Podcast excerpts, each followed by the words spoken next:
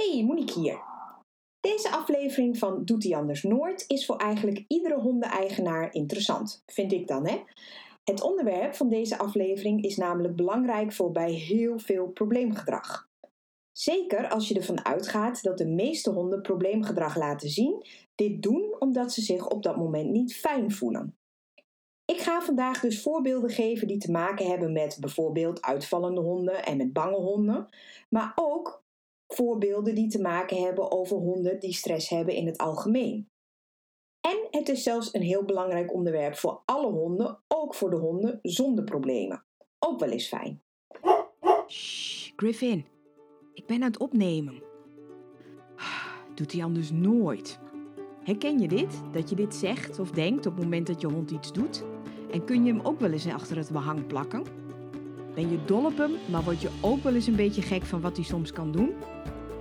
In deze podcast Doet hij anders nooit vertel ik elke week waarom je hond dat doet, hoe dat komt dat hij het blijft doen, of misschien ook wel niet, en natuurlijk wat je eraan zou kunnen doen. Ik ben Monique Bladder, gedragstherapeut voor honden. En net als jij heb ik zeker niet de perfecte honden, maar wel de allerleukste. Ondanks dat ze soms dingen doen die ze anders nooit zouden doen. Als je meer weet over dit onderwerp van vandaag, dan wordt het leven van je hond hoe dan ook een stukje fijner. Klinkt een beetje als magie, hè? Nou, dat valt best mee, want het is iets dat heel concreet is. Het is namelijk controle, voorspelbaarheid en informatie. En nu zijn dat misschien nog wat vage begrippen, maar wat ik ermee bedoel, waarom het zo belangrijk is en hoe je het voor elkaar krijgt voor je hond in verschillende situaties, ga ik met je bespreken. Deze aflevering is er ook weer de vraag van de week. Hij wordt deze keer gesteld door Anna. Haar hond wil absoluut geen tuigje om, ondanks dat ze het goed opgebouwd heeft.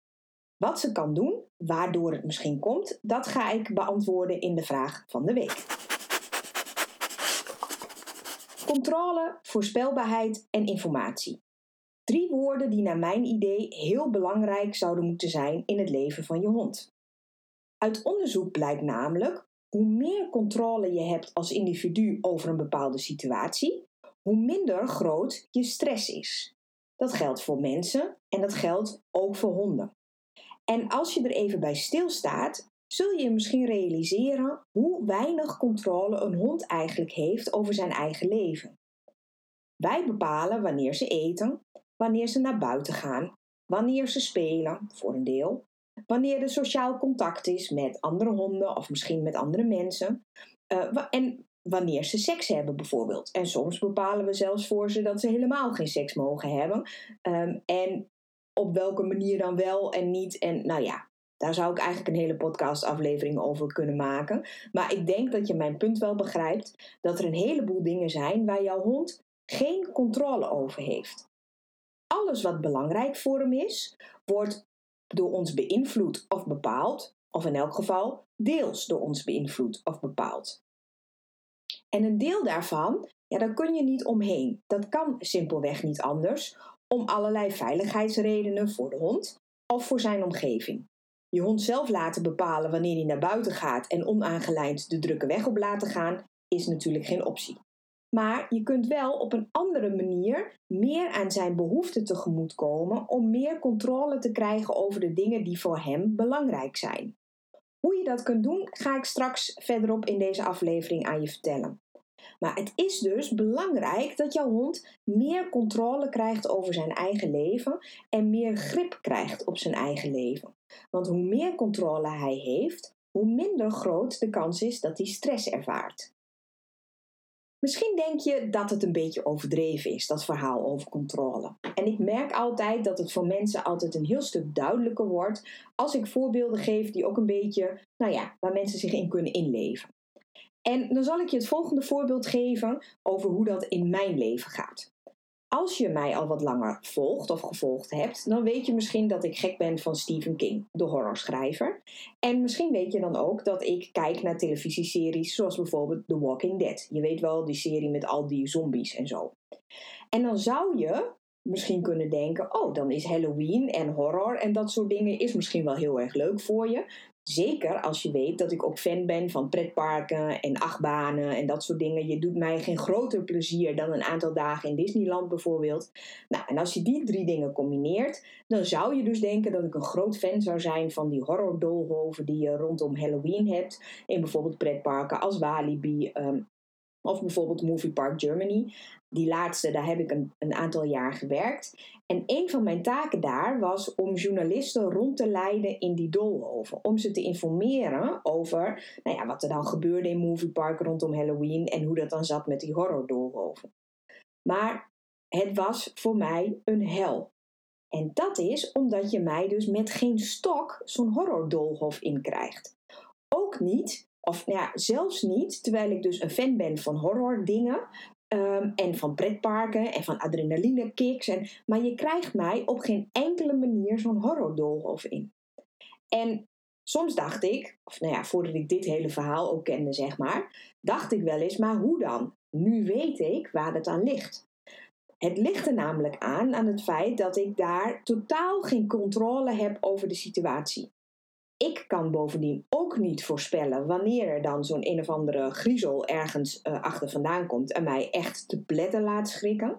En het feit dat ik dus en geen controle heb en het feit dat ik dus geen informatie heb over wanneer er wat gaat gebeuren, dat zorgt er dus voor dat ik het zo eng vind dat ik dat dus echt gewoon niet ga doen. En dat is dus maar een voorbeeldje uit het dagelijkse leven. Nou ja, misschien niet gelijk heel dagelijks, maar je snapt wel wat ik bedoel. Over hoe gebrek aan controle ervoor kan zorgen dat je een bepaalde situatie niet wilt of niet doet. En vaak gaat dat gebrek aan controle dus samen met, of het wordt versterkt, door het gebrek aan voorspelbaarheid en informatie.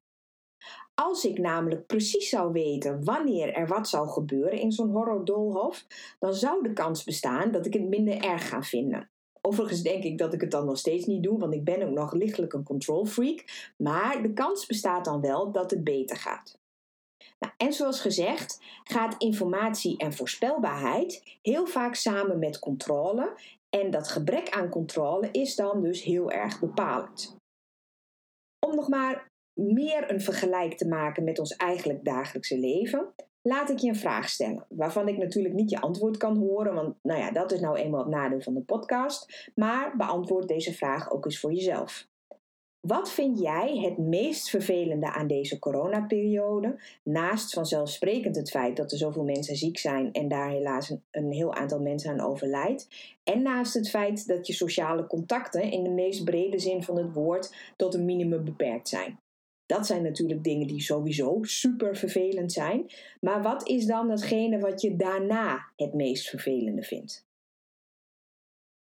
Ik kan natuurlijk niet voor jou spreken, maar voor mij is het het feit dat voor mij onbekend is wanneer deze hele um, ellende voorbij is.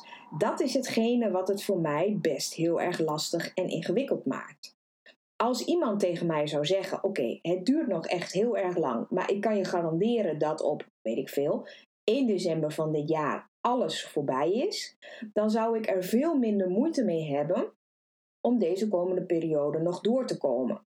Het is wat ze in de politiek en wat ze op televisie en in de media allemaal roepen: het stukje van het perspectief. Nou komt dat woord mijzelf, moet ik persoonlijk zeggen, inmiddels een beetje de keel uit. Maar het is wel tekenend voor hoe belangrijk het is dat iets voorspelbaar wordt. Zelfs als het vervelend is, maar het is voorspelbaar, is dat minder stresserend dan, zoals wat we dus nu in de situatie waarin we nu zitten, dat we weten dat we in een vervelende iets zitten, maar dat we dus ook nog niet weten wanneer het precies voorbij is. Ik denk, en ik ben natuurlijk geen humane psycholoog, maar ik denk dat dat hetgene is wat ook bij een heleboel mensen stress veroorzaakt. Nou, kijken we dan weer even naar het leven van je hond, want daar gaat deze podcast natuurlijk over. En denk dan eens na, heel kritisch, over hoe vaak jouw hond echt de gelegenheid krijgt om informatie te verzamelen over zijn omgeving. Want um, nou ja, mijn voorbeeld van de corona, daarin um, ja, valt er ook weinig informatie te verzamelen, want dat is gewoon simpelweg nog niet bekend. Maar de informatie die jouw hond nodig heeft, dat ligt eigenlijk meestal voor het oprapen. Alleen je hond krijgt heel vaak niet de gelegenheid om het op te rapen, figuurlijk gezien dan. Hè? Want hoe doet jouw hond dat nou? Informatie verzamelen. Nou, dat doet hij door te snuffelen met zijn neus naar de grond, maar ook met zijn neus in de lucht. En dat combineert hij met kijken, met observeren. En um, iedereen denkt altijd maar dat een hond alles met zijn neus doet. En laat ik heel duidelijk zijn, die neus is natuurlijk super belangrijk. Maar je hond neemt ook heel veel informatie op door ergens simpelweg naar te kijken. En waar dan het probleem zit, is het feit dat wij als eigenaren zijnde niet doorhebben dat een hond op een bepaald moment bezig is met het verzamelen van informatie.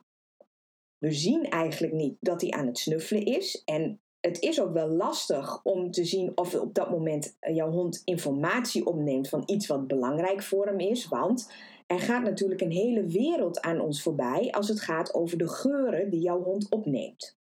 Dus je kunt nooit, of nou, niet makkelijk moet ik zeggen, aan de buitenkant zien of de, datgene waar je hond nu aan snuffelt, of dat heel belangrijk voor hem is, of dat het een, nou ja, niemendalletje is aan informatie wat hij opdoet. Dus op het moment dat je hond snuffelt, neem dat in elk geval serieus. Neem het zekere voor het onzekere en zie dat als een moment waarop die informatie aan het verzamelen is. En dat stukje missen we dus vaak. Of we zien het wel, maar we vinden het irritant. En wat we dus ook heel vaak missen, is dat een hond staat te kijken, staat te observeren, een, een bepaalde prikkel observeert in zijn omgeving. En dat dat ook ervoor zorgt dat hij dan um, reguleert, zeg maar, in zijn hersenen over nou, wat is dat nu eigenlijk? Moet ik daar iets mee? En dat zijn allemaal processen die dan um, bezig zijn. En omdat wij dat heel vaak missen, ontnemen we onze honden heel vaak die mogelijkheid. Met het gevolg dat een hond daardoor slechter kan inschatten of een bepaalde prikkel spannend voor hem is, of die daarop moet reageren, en dat hij dus makkelijker in de stress schiet. En het heeft heel veel te maken met de manier waarop wij wandelen met onze hond. Want heel vaak hebben wij bij zo'n wandeling een bepaald parcours in ons hoofd. Ja, een route is misschien een beter woord. We hebben meestal het idee van: oké, we gaan van dat punt lopen we naar dat punt tijdens een lange wandeling, maar ook bij een wandeling in de wijk. Zonder dat we daarbij echt stilstaan bij waar de hond eigenlijk behoefte aan heeft. Die wil tijdens zo'n wandeling helemaal niet van A naar B. Die wil snuffelen, die wil om zich heen kijken, die wil bewegen. Die is niet bezig met een einddoel. Die denkt niet, oh, we gaan nu van A naar B lopen. Nee, hij beweegt en alles wat hij tegenkomt op zijn nou, wandeling, dat is voor hem van belang. Maar omdat wij wel zo'n einddoel in ons hoofd hebben, vergeten we dus heel vaak dat de hond dat helemaal niet wil. En gelukkig zie ik het nog steeds minder. Gelukkig zijn er steeds meer mensen die aandacht hebben voor het feit dat een hond um, moet, snuffelen, moet kunnen snuffelen en zijn omgeving moet kunnen verkennen. Maar ik zie toch ook nog steeds wel eigenaren die maar doorlopen, aan de riem sjorren, zeggen: Nou, kom dan maar op. Op een moment dat een hond maar één of twee seconden ergens aan staat te snuffelen. Ik heb wel eens gehoord van een wetenschapper die zegt, Daniel Mills was het in dit geval, dat een hond wel 10 seconden nodig heeft om de juiste informatie uit te filteren uit dat geurtje waar hij op dat moment um, mee bezig is. Het is niet mijn expertisegebied, dus um, misschien zeg ik nu iets wat helemaal niet klopt en ik praat iemand na die ik erg hoog heb zitten. Um, maar dat vond ik wel heel erg uh, vond ik wel echt een eye-opener dat een hond er dus zo lang over nodig kan hebben om de juiste informatie uit een bepaalde geur te halen. Het is dus super belangrijk dat hij die informatie krijgt. Informatie over wie heeft hier gelopen. Was het een reu of een teef? Of misschien was het wel een konijn of een ree. Of misschien was het een fietser of een motor. Dat soort informatiedingen bepaalt wat er in zijn hoofd omgaat en wat daar aan stress binnenkomt en gefilterd wordt. Controle, voorspelbaarheid en informatie zijn dus drie belangrijke begrippen die het leven van een hond leuker en minder stressvol maken. Het gebrek aan die dingen, of één van die dingen, kan leiden tot probleemgedrag. Of daar in elk geval een belangrijke factor in zijn. Ik had bijvoorbeeld een keertje een consult met Dinette en zij had een toller, Luna. En een dollar is een, een korter woordje voor de Nova Scotia Duck Tolling Retriever. Dat is een hele, het is een retriever soort. Um, het is een beetje een volle, uh, veel om over te praten. Dus ik heb het dan maar over een toller. En haar hond vond als pupje vuilniszakken op straat wat spannend. En wat die net deed, en dat is iets wat een heleboel mensen doen, omdat ze denken dat de hond ja, er naartoe moet gaan, want anders went hij er nooit aan. Wat die net dus vervolgens deed, was dan als ze zag dat uh, haar hond zo'n zo'n vuilniszak wat spannend vond, dan pakte ze een brokje. Dus ze trok de hond er niet naartoe of zo, dat deed ze niet op een vervelende manier. Maar ze pakte een brokje en dan lokte ze de hond naar die vuilniszakken toe. Maar wat ze merkte is dat die angst niet beter werd, het werd zelfs een tikkeltje erger. In de zin dat er steeds meer andere dingen waren die ook spannend werden. Nou lag dat zeker niet alleen maar aan het feit dat die net haar hondje meelokte naar zo'n vuilniszak, maar het was wel een onderdeel van het probleem. Want die net deed, zonder dat ze het wist, iets wat die hond eigenlijk helemaal niet wilde, en dat is dat ze de controle van haar hondje wegnam.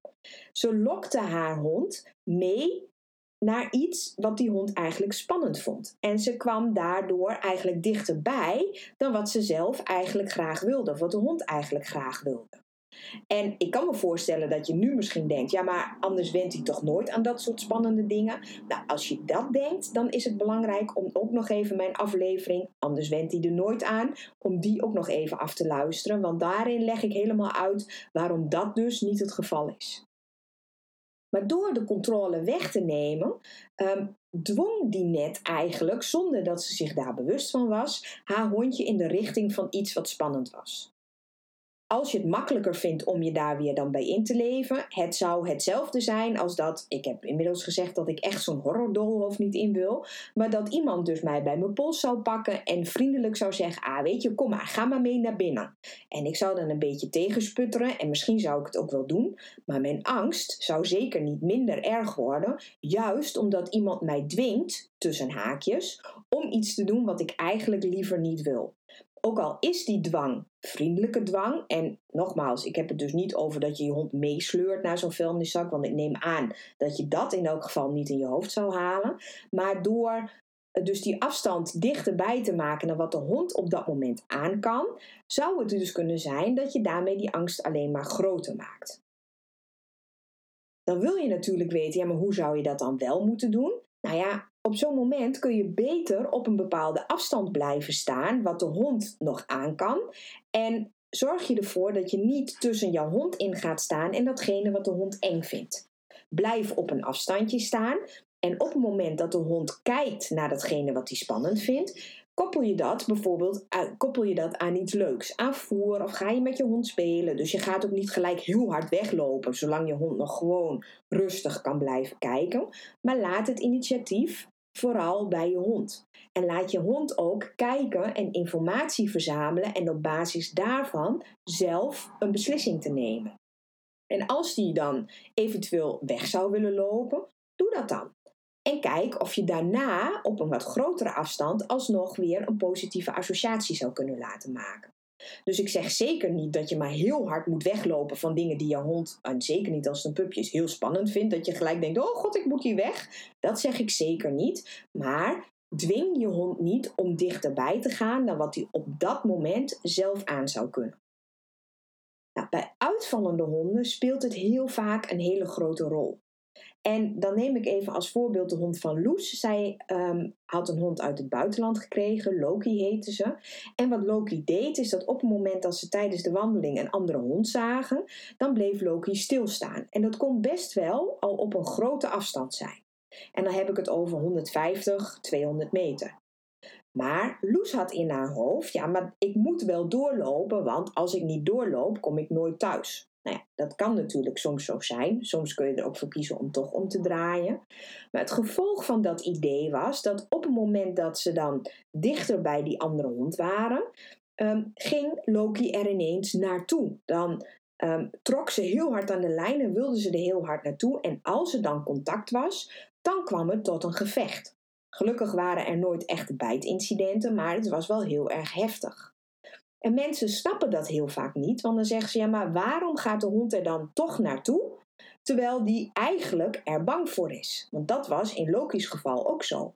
Ze vond andere honden hartstikke spannend en daarom bleef ze stilstaan. Maar toen werd ze dan alsnog gedwongen, tussen haakjes, door Loes om door te lopen.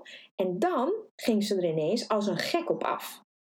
Nou, ik leg dat meestal uit aan de hand van een voorbeeld van een spin in de ruimte. Stel je voor, je bent bang voor spinnen. Niet een beetje bang, echt heel bang. En je gaat uh, boodschappen doen en je komt terug en dan ligt er bij jou op de keukentafel een briefje van je partner waarop staat: Er is ergens in huis een hele grote spin, maar ik weet niet waar. En in dit voorbeeld mag je niet het huis uit en je mag geen hulp inroepen. Dan is mijn vraag aan jou: wat ga je dan doen? De kans is groot dat je zegt: Oké, ik ga stilzitten en ik kom niet meer in beweging. Maar ja, je zult uiteindelijk iets moeten doen. En het, de kans is ook groot dat je vervolgens jouw andere antwoord is: Ja, ik ga op zoek naar die spin. Al dan niet gewapend met een patoffel of met een stofzuiger om ervoor te zorgen dat je iets kunt gaan doen op het moment dat je bij die spin bent. Zo gaat het ook bij honden die op een gegeven moment zo dichtbij komen um, dat ze zich niet meer veilig voelen en dat ze eigenlijk geen andere keuze hebben dan er naartoe te gaan. Ze hebben die informatie nodig om een goede inschatting te maken en om vervolgens te kunnen handelen, omdat ze niet meer weg kunnen. Maar ze hebben ook die informatie nodig. En zo zie je dus ook weer dat hoe jij jezelf gedraagt in zo'n situatie, als in dat jij degene bent die je hond dwingt tussen haakjes om dichterbij te komen, dat dat er uiteindelijk toe leidt dat er een uitval komt. En nou is het zeker niet zo dat alleen dat wat jij doet ervoor zorgt dat er een uitval komt. Want er zijn natuurlijk veel meer factoren. Maar we hebben het nu even over dat stuk van controle, voorspelbaarheid en informatie. Nou, en dat speelt dus bij uitvallende honden heel vaak een grote rol. En als je je dus bewust bent van die drie woorden, controle, voorspelbaarheid en informatie, kun je daar op diverse manieren in het leven van je hond rekening mee houden. Als allereerste, dat mag wel duidelijk worden aan de hand van het voorbeeld van Dinette en haar toller, lok je hond niet naar iets toe op het moment dat hij het spannend vindt. Geef hem de gelegenheid om zelf te verkennen en proberen te koppelen aan iets leuks of lekkers. Maar laat het initiatief daartoe bij de hond. Denk daaraan ook heel goed op het moment dat je hond bijvoorbeeld blaft naar visite. Er zijn een heleboel mensen die dan de visite een koekje laten geven aan de hond. Maar dan dwing je dus de hond op het moment dat hij um, voergevoelig is om dichterbij te komen dan wat hij waarschijnlijk eigen liever zou willen, door te werken met dat voertje wat uit de hand komt van die visite. Werken met een voertje is op zo'n moment prima, maar zorg ervoor dat jij als eigenaar zijnde degene bent die het voertje geeft. Of laat de visite voer echt weggooien, zodat de afstand tot jou als visite, tot de visite zijnde alleen maar groter wordt. Zodat je je hond niet dwingt om dichterbij te komen dan wat hij zelf eigenlijk zou willen.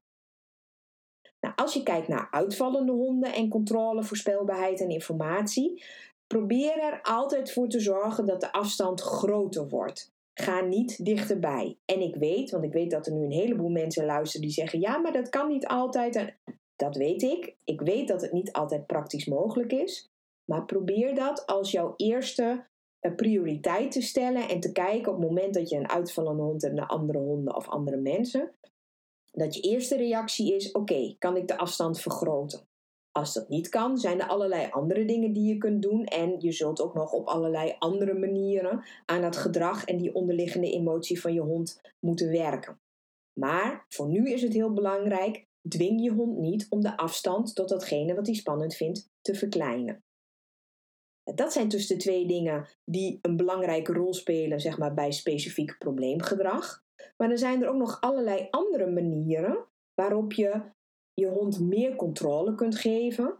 Um, en waarop je hem ook meer voorspelbaarheid kunt geven. En die dingen zorgen er dan voor dat het algehele stressniveau van je hond meer naar beneden gaat. En dat kan op hele makkelijke manieren en soms is het wat ingewikkelder. Maar een hele makkelijke die voor elke, honden, voor elke hond heel prettig is, is dat je je hond laat bepalen welke snack die krijgt. Of met welk speeltje er gespeeld wordt. Heel vaak, tenminste, dat was bij mij altijd het geval, pakte ik altijd de snack waarvan ik dacht, oh, daar hebben ze nu wel zin in. En dat kon een penstaafje zijn, of een oortje, of een kouding, of nou ja, maakt niet uit wat. En tegenwoordig heb ik meestal twee of drie verschillende dingen. Die leg ik neer op de grond en dan mag de hond, honden moet ik zeggen, mogen kiezen. En wat dus grappig is om te zien, is dat de ene dag hebben ze zin in uh, paardenhuid en de andere keer willen ze iets van hert. En weer een andere keer willen ze een konijnenoor. Dat verschilt dus heel erg en ik denk echt oprecht dat het voor de hond ook prettig is om uit te kiezen welk, welke snack die wil of met welk speeltje die op dat moment zou willen spelen. En het is iets wat je heel makkelijk kunt doen en waarvan ik overtuigd ben dat het het welzijn van je hond in het algemeen een tikkeltje verbetert.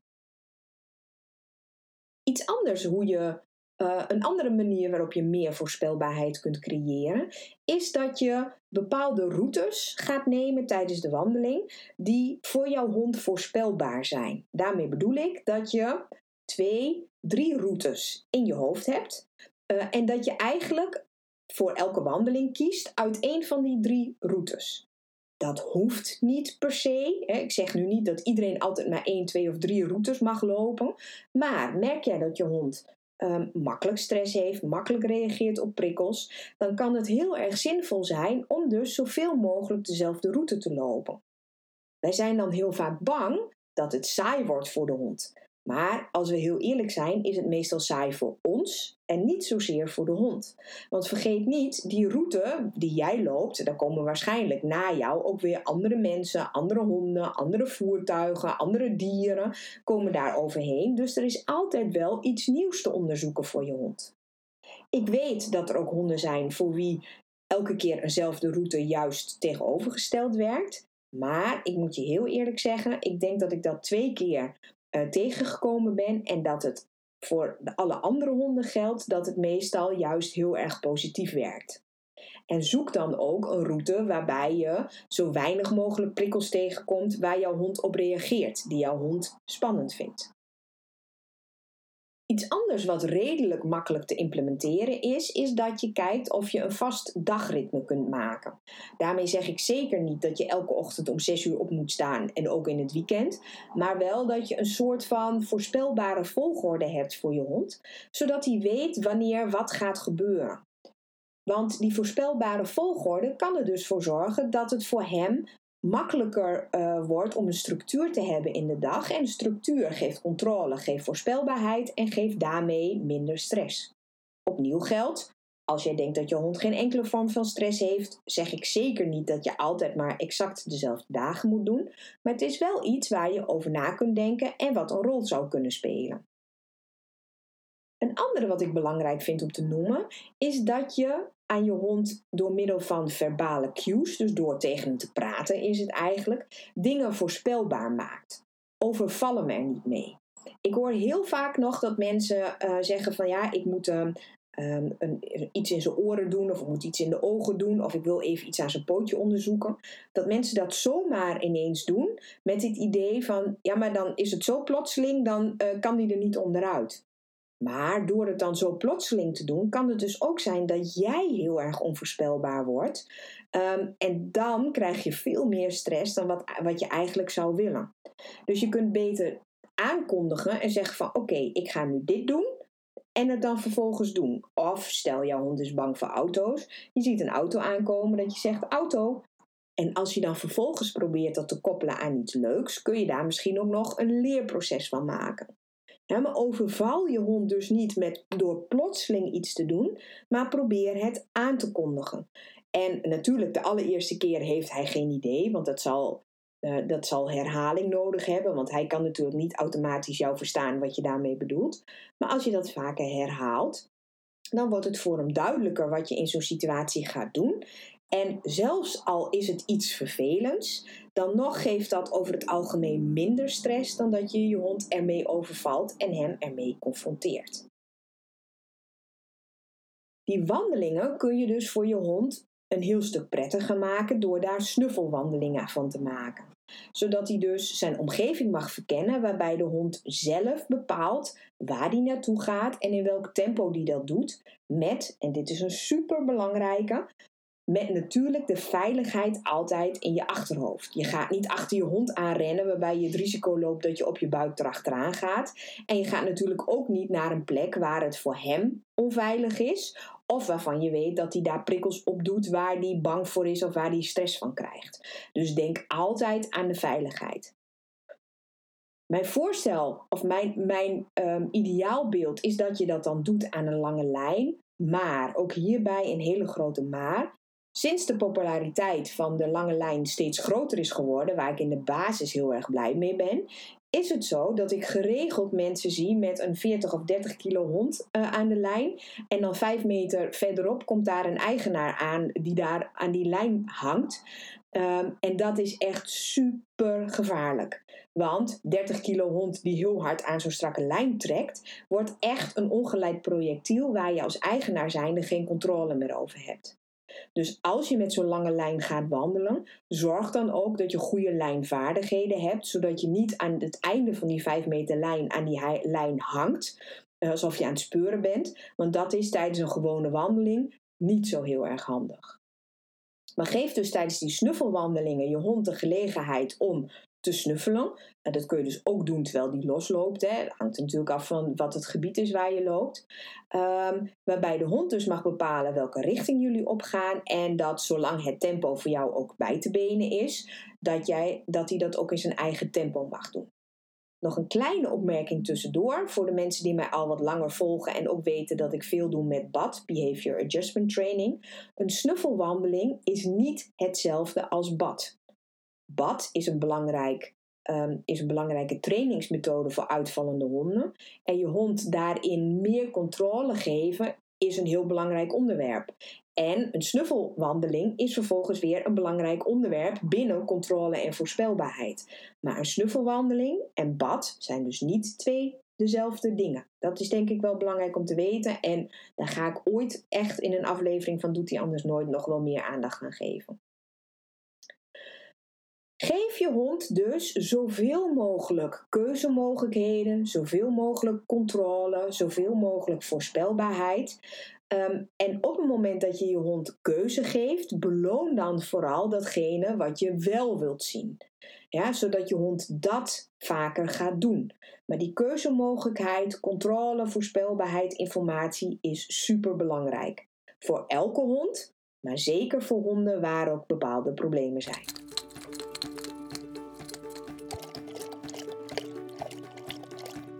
De Doet hij anders nooit? Vraag van de week. Hi Monique, ik heb een vraagje. Ik wil graag dat mijn hond een tuig draagt in plaats van een halsband. Maar mijn hond Vink wil haar tuigje niet om. Ik heb alle soorten en maten al geprobeerd, maar zodra ik haar tuig pak, dan duikt ze onder tafel. Inmiddels hebben we een tuig op maat gemaakt en die heb ik rustig opgebouwd met heel veel snoepjes en beloningen, maar ook die wil ze niet aan. Hoe zorg ik ervoor dat ze haar tuig fijn of leuk gaat vinden? Haar halsband kan ik wel elke keer omdoen als we gaan lopen. Dus ik denk niet dat het de associatie is met naar buiten gaan. Dankjewel voor je vraag. Laat ik beginnen met te zeggen dat ik een groot voorstander ben van een goed passend tuigje. Want een goed passend tuigje zorgt ervoor dat het in elk geval prettiger wandelt voor een hond in het algemeen. Want een goed passend tuigje zorgt ervoor dat er minder druk zit op het schouderblad. Je hebt van die tuigjes met een borstband, waarbij de band dus over de borst en daarmee ook de schouderbladen van een hond loopt. En dan moet je weten dat die schouderbladen van je hond eigenlijk los in het lijf liggen. Is natuurlijk niet helemaal los, maar ze zitten door spieren en pezen um, aan elkaar vast. En als daar zo'n band overheen loopt, dan kan dat vervelend voelen en druk geven. En dat geeft ook tegelijkertijd een risico dat jouw hond misschien um, associaties maakt met dingen die hij op een bepaald moment ziet. Um, en de, het vervelende gevoel wat hij voelt in zijn schouders. Stel je voor, jouw hond ziet een andere hond en op dat moment ervaart hij pijn in zijn schouders omdat het tuigje niet fijn zit. Dan kan het dus zijn dat hij die andere hond gaat associëren met die pijn in zijn of nou ja, het ongemak in zijn schouders. Dus en sowieso hè, is het denk ik niet zo heel erg aardig als je hond daar een, fysiek ongemak voelt. Dus dat is alleen al een belangrijke reden voor mij om een voorstander te zijn van een goed passend tuigje. Ik adviseer altijd tuigjes met ook nog twee bevestigingspunten. En dat adviseer ik natuurlijk meestal aan de mensen die een hond hebben waar enigszins een probleem is. En die twee bevestigingspunten zitten dan boven op de rug van de hond. Daar zit een punt, daar zit een haak, zeg maar. En voor op de borst. Want als het goed is, heb je een tuigje met een eiborststuk. Dus als je voor je hond kijkt en je kijkt naar waar zijn borst zit, dan lopen er twee banden. Eén over de ene schouder, of ene over de ene aan de ene kant van de nek en de andere aan de andere kant van de nek. En dan loopt er één band, zeg maar, onder zijn buik door. En daar op, die, zeg maar, op, op het kruispunt van die twee banden en die band die onder zijn buik doorloopt, daar zit dan ook nog een bevestigingspunt. En dan kun je, en dan heb ik het niet over een lange lijn, maar over een korte lijn.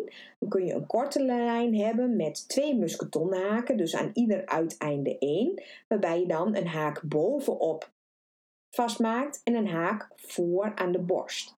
En dan kun je makkelijker controle uitoefenen over je hond. Uh, stel je voor dat je een uitvallende hond hebt en je moet toch ergens door een gebied um, ja, waarvan je denkt, nou, dan kom ik misschien ook andere honden tegen. Dan kun je op die manier, op een redelijk vriendelijke manier, toch meer controle hebben over je hond. Nou, ik vind dus dat een goed tuigje, dus in elk geval een tuigje is met een ei-borststuk. En hij moet dus goed passend zijn. Nou, een goed passend tuig is voor mij eh, bijvoorbeeld een tuigje van Four Dogs of een Perfect Fit harnas. Maar er zijn inmiddels gelukkig veel meer tuigjes die je ook echt goed op maat kunt laten maken. En dat adviseer ik je eigenlijk altijd. Nou, je geeft al aan dat je een goed passend tuigje hebt, dus aan die voorwaarden heb je voldaan, ga ik maar even van uit. Ehm, en laat ik ook zeggen, voordat ik meer ga zeggen over wat je aan zou kunnen doen, laat ik beginnen te zeggen dat er ook honden zijn die een tuigje simpelweg niet fijn vinden en er daarom voor weglopen. Maar meestal heeft dat toch te maken met een van de volgende punten die ik ga bespreken, of met een combinatie daarvan. Nou, het kan dus zijn dat het een niet goed passend tuigje is, daar hebben we het over gehad. Maar het kan ook zijn dat het tuigje niet goed aangeleerd is, of er kan een onderliggend fysiek ongemak zijn. Nou, je vertelde al dat je het tuigje goed aangeleerd hebt. En misschien, want dat weet ik niet, want ik ken je verder niet uitgebreid. Misschien heb je het wel helemaal op de juiste manier aangeleerd. Maar het kan ook zijn dat je misschien denkt dat je het goed aangeleerd hebt, maar dat je toch, zonder dat je je daar bewust van was, misschien je hond soort van gedwongen hebt uh, om het tuigje om te doen. Ondanks dat je het gekoppeld hebt aan iets leuks, ondanks dat je het gekoppeld hebt aan koekjes. In de meest ideale situatie is het namelijk zo dat jij niet het tuigje omdoet bij je hond, maar dat je hond uit zichzelf, op het moment dat hij het tuigje ziet, daar naartoe loopt en bij wijze van spreken, als dat kan, er zelf instapt of er helemaal klaar voor staat om het om te krijgen omdat hem dat iets oplevert en niet omdat op het moment dat jij het erop legt, dat het hem dan iets oplevert. Je moet er dus voor zorgen dat dat tuigje de voorspeller wordt van iets leuks. En voor een heleboel honden kan het dus zeg maar het belangrijkste zijn dat jij dus niet degene bent die het omlegt, maar dat hij degene is die erin kan stappen. Daar komt dat stuk van die controle weer terug. En dan wek ik zeker niet de suggestie dat jij je hond dwingt door hem iets op te leggen. Ehm, op een vervelende manier. Ik ben er zeker van overtuigd dat jij het zeg maar, het tuigje oplegt en daar dan iets leuks aan koppelt. Maar voor sommige honden is dat dan dus nog te veel.